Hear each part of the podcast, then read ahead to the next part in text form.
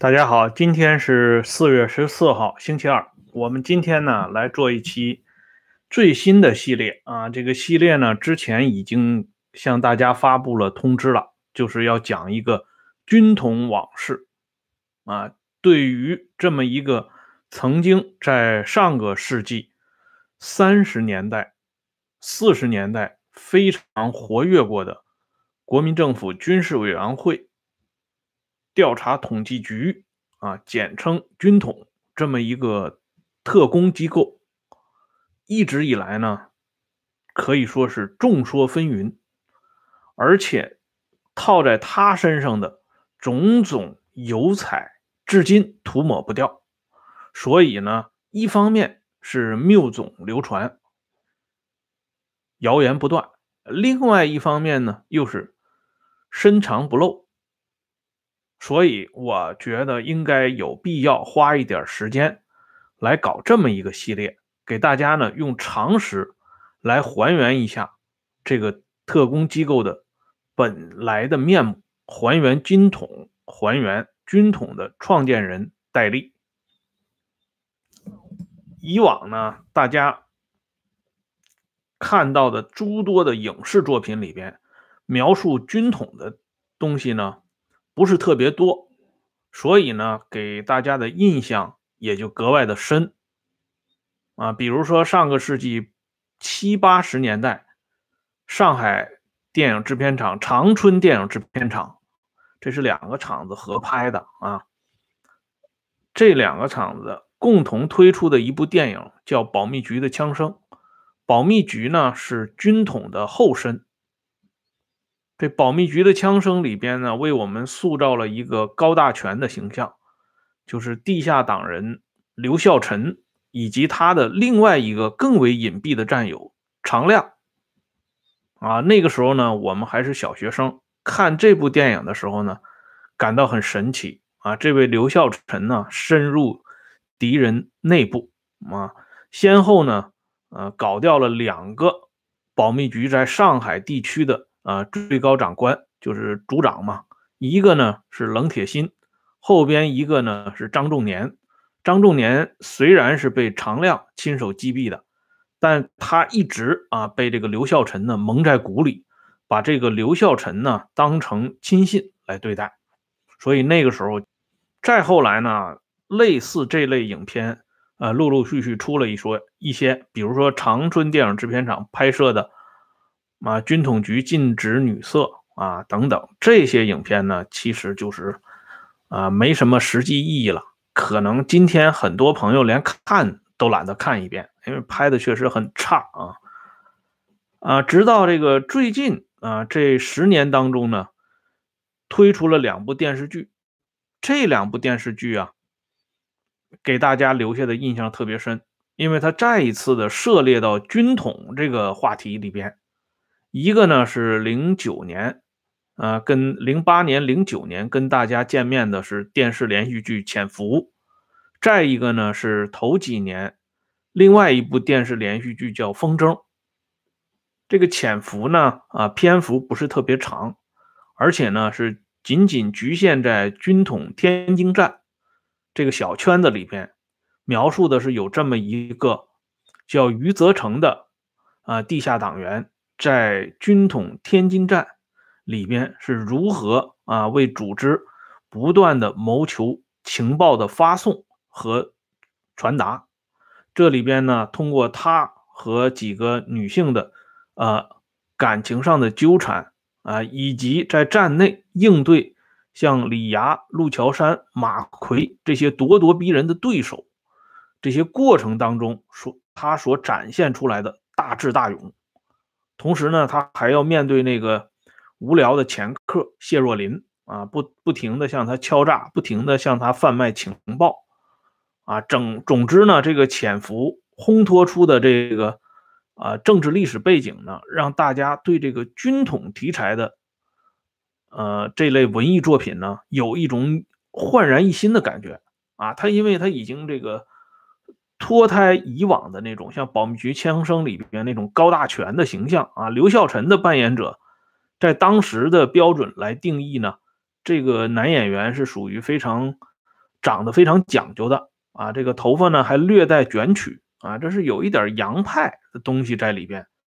可是后边的扮演余则成的孙红雷呢，他以往给大家留下的形象，嗯，就是《征服》里边的那个黑社会的老大刘华强啊，让这么一个人物演这么一个啊潜伏到敌人心脏里边的角色，本身就有颠覆的意思在里边。而那个大大咧咧啊的陈翠萍啊，也颠覆了以往我们看到的那些在潜伏战线啊辛辛苦苦工作的人员啊，所以呢，这部电视剧是带有一点啊里程碑性质的。所以后来呢，凡是谈到谍战剧啊，谈到这方面的话题呢，都首先用潜伏来做标尺杆进行衡量。那后边的这部电视剧《风筝》呢，它实际上就是想要超越这个潜伏，他把在军统的斗争呢一下子延伸到了延安，延伸到了一九四九年以后，甚至延伸到了那场啊十年的特殊历史背景下，啊延伸到了改革开放前夕，啊这是一个大的历史长卷。但是呢，啊，我们通过这两部剧就可以看出来，为什么我们今天要用常识来解说呢？就是这两部剧最缺乏的就是常识。只不过呢，潜伏比后边的风筝呢还收敛一些啊。其实从这两部剧之间的巨大落差，也可以看出来，这个二零零八年到二零一八年这十年当中，这个意识形态工作的转向程度。到底已经到了什么样的程度啊？零八年搞潜伏的时候，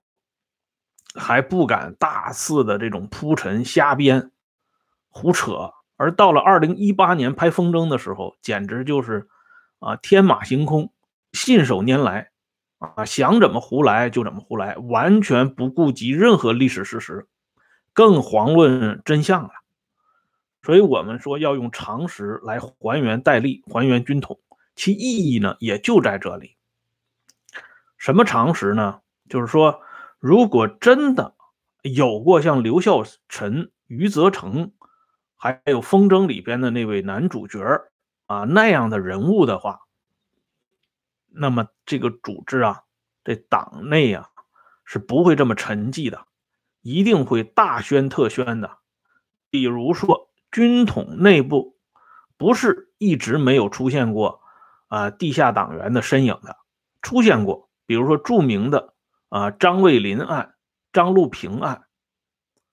后来呢，专门拍过一部电视连续剧，就叫《张路平》，也拍过一部电影。那个电影的女主角呢是傅丽丽扮演的，就是孙淳的啊媳妇儿啊。这是一个电影，一个电视剧。电视剧里的女主角张露萍呢，是由洪学敏扮演的。啊，总之呢，呃，是有过类似题材的，但是仅此一点而已。就是说，他能够挖掘的、实实在在的打进军统内部的党组织的人，也就是张卫林和张路平。而这个张卫林案呢，在里边是附带着张路平。啊，就是说，大陆官方党史教科书突出讲张路平，而不提张卫林，为什么呢？因为张路平是真的从延安给派到四四川的，派到重庆的，而张卫林是什么人呢？张卫林这个人的出现，据沈坠的回忆，这个人呢是在他读书期间，读大学期间，被党组织发展进来的。他和这种延安的嫡系那是不能比的，所以人家国民党方面、军统方面啊，像董一山这个当年的张卫林的顶头上司董一山，军统局电信处电讯处副处长董一山的回忆里边都统一管这个案子叫张卫林案，根本就没提张路平。张路平在这里边起的作用几乎是微乎其微。可是呢，大陆官方。党史教科书以及这个影视作品呢，却把张路平渲染到了无以复加的程度。从这么一个小小的差异当中呢，我们也可以看到，确实已经是黔驴技穷了。就是说，他能够爆的料，就是说能够向大家展示的所谓秘密战线的这个神奇人物，也就仅此而已。如果真的存在像余则成啊，像风筝里边的那位人物那么神奇的话，他们早已经啊，要大肆的铺天盖地的渲染了。因为这个是比什么都好的教科书啊！这个东西一披露，那更是让你觉得这个组织在上个世纪夺取天下，那真的是天命攸归呀。可惜呢，这方面的佐料实在是太太少了。正是因为太少了，所以才会啊有这种潜伏啊，有这种风筝的电视作品、电影作品、文艺作品来补足这个。空虚和空间啊，因此呢，有些人感到疑问，说为什么电视剧《风筝》《风筝》里边一些啊很大胆的这个对白，比如说在这个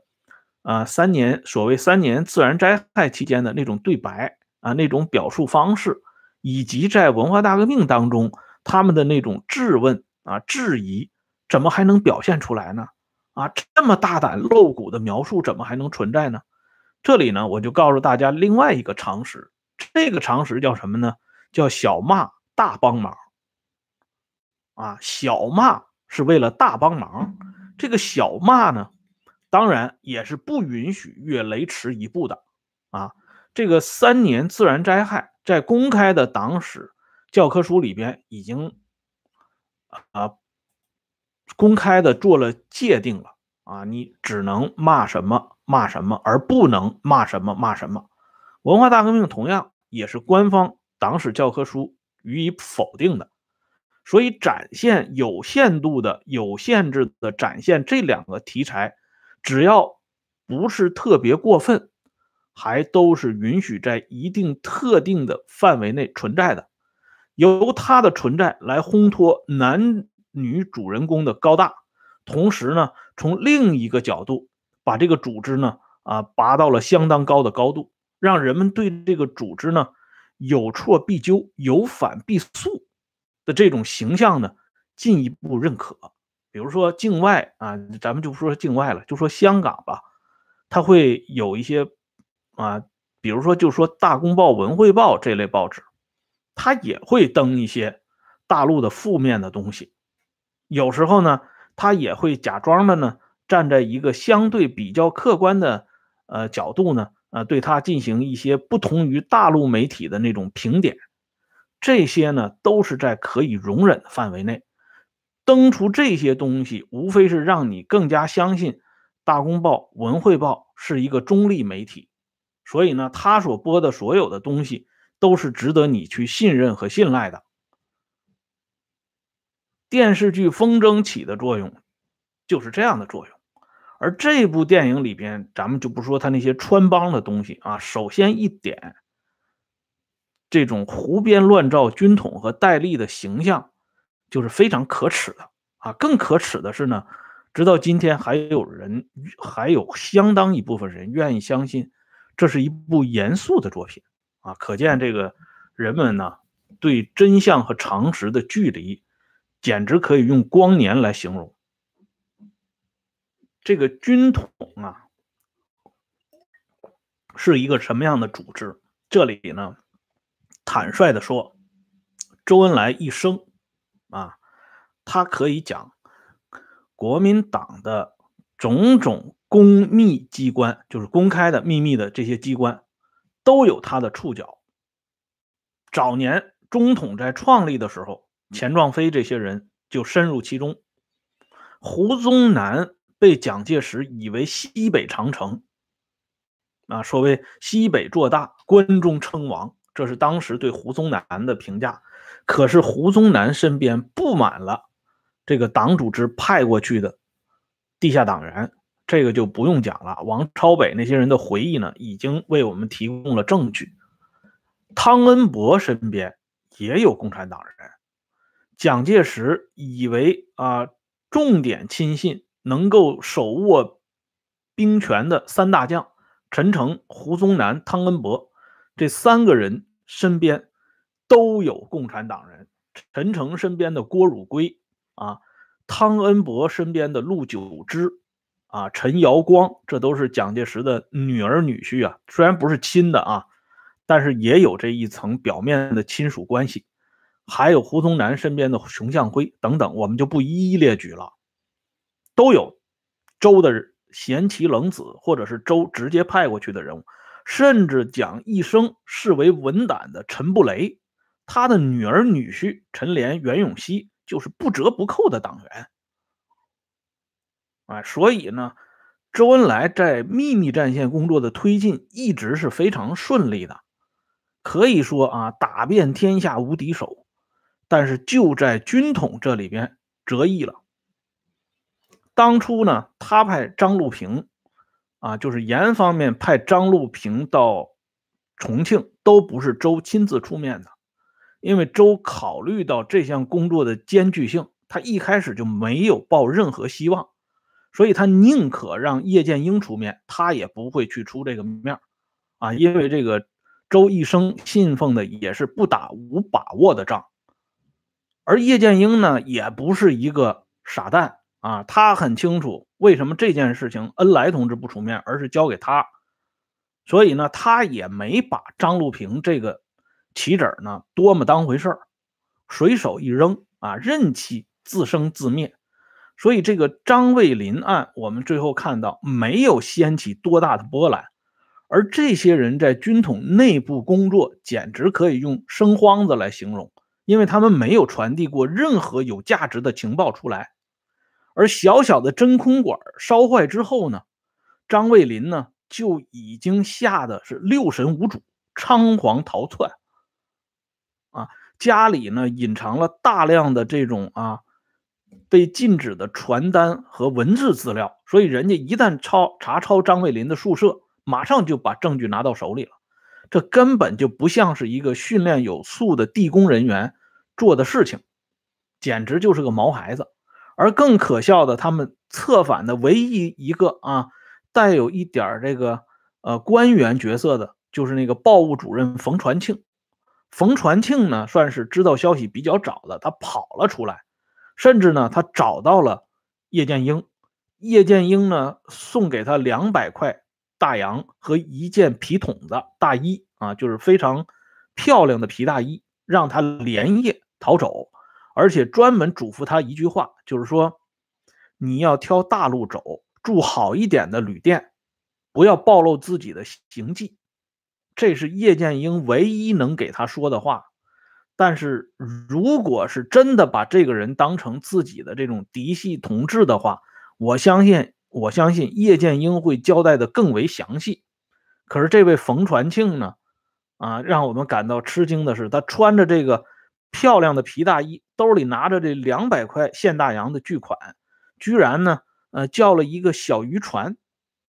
既没有走大路，也没有住像样的旅店，所以就被一个渔民就给举报了。他没跑多远就让人给抓回来了。可见呢，这七个人当中没有一个人是成手。啊，这样一群人最终就是乌合之众，让人家就是给团灭了，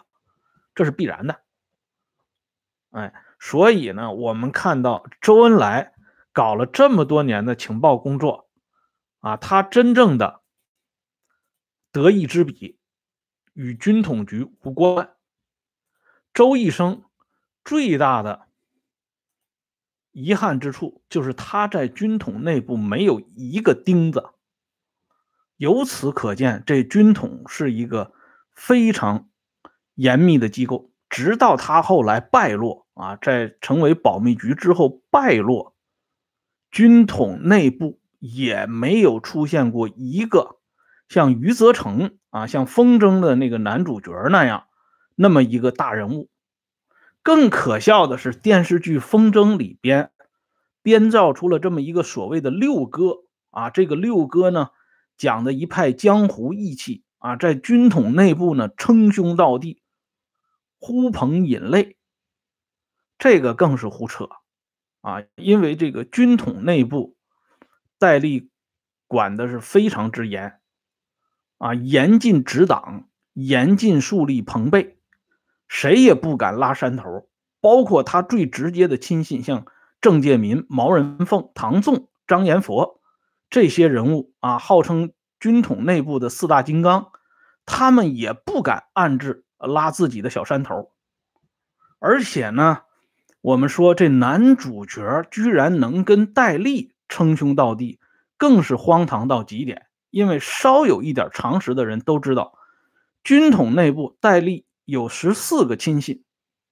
啊，包括毛人凤在内，这些人清一色的，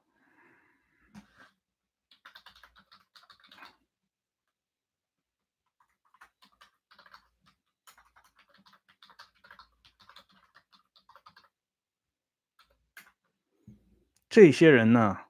清一色的是浙江江山县人，无一例外，而且他们同戴笠都有着千折百转的亲属关系，有的甚至是戴笠的直系亲属，他的弟弟、他的儿子、他的堂弟啊，所以怎么会有这么一个外来户进来跟戴笠称兄道弟呢？而在军统成立前期啊，前身就是复兴社特务处的时候，确实啊传过一个版本，坊间传过一个版本，就是十人团，有这么十个人，包括戴笠在内，共同啊一起组建了这个复兴社特务处，搭起了这个架子。可是这十人团里边，虽然里边有个别人物是有争议的，比如说有没有黄维啊，有没有黄庸。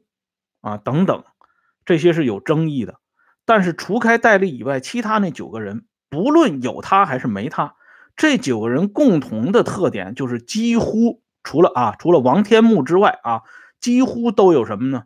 都有黄埔军校的履历，像梁干桥，像周伟龙，啊，像胡国振，啊，这些人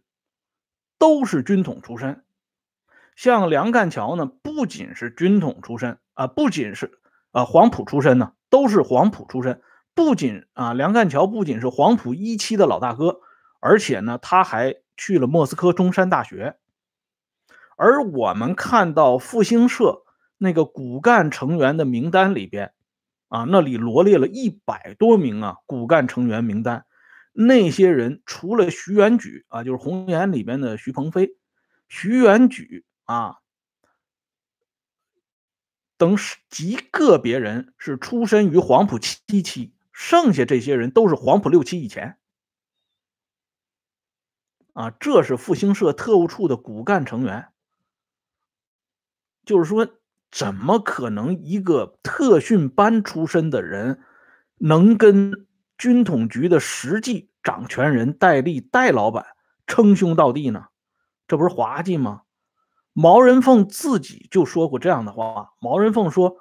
我们是戴先生的部下，也是戴先生的学生。要知道，毛人凤的实际年龄比戴笠还略微大一点而且他跟戴笠是不折不扣的小学同学。没有毛人凤，就没有后边江山戴笠的一帆风顺和飞黄腾达。”但是，就是毛人凤这样的人，在戴笠面前都不敢装大，都要自称是戴笠的部下和学生，更遑论其他人了。啊，所以怎么会突然的凭空啊锻造出这么一个人物啊，跟戴笠拍肩膀的？而且在法场执行的时候，他居然可以啊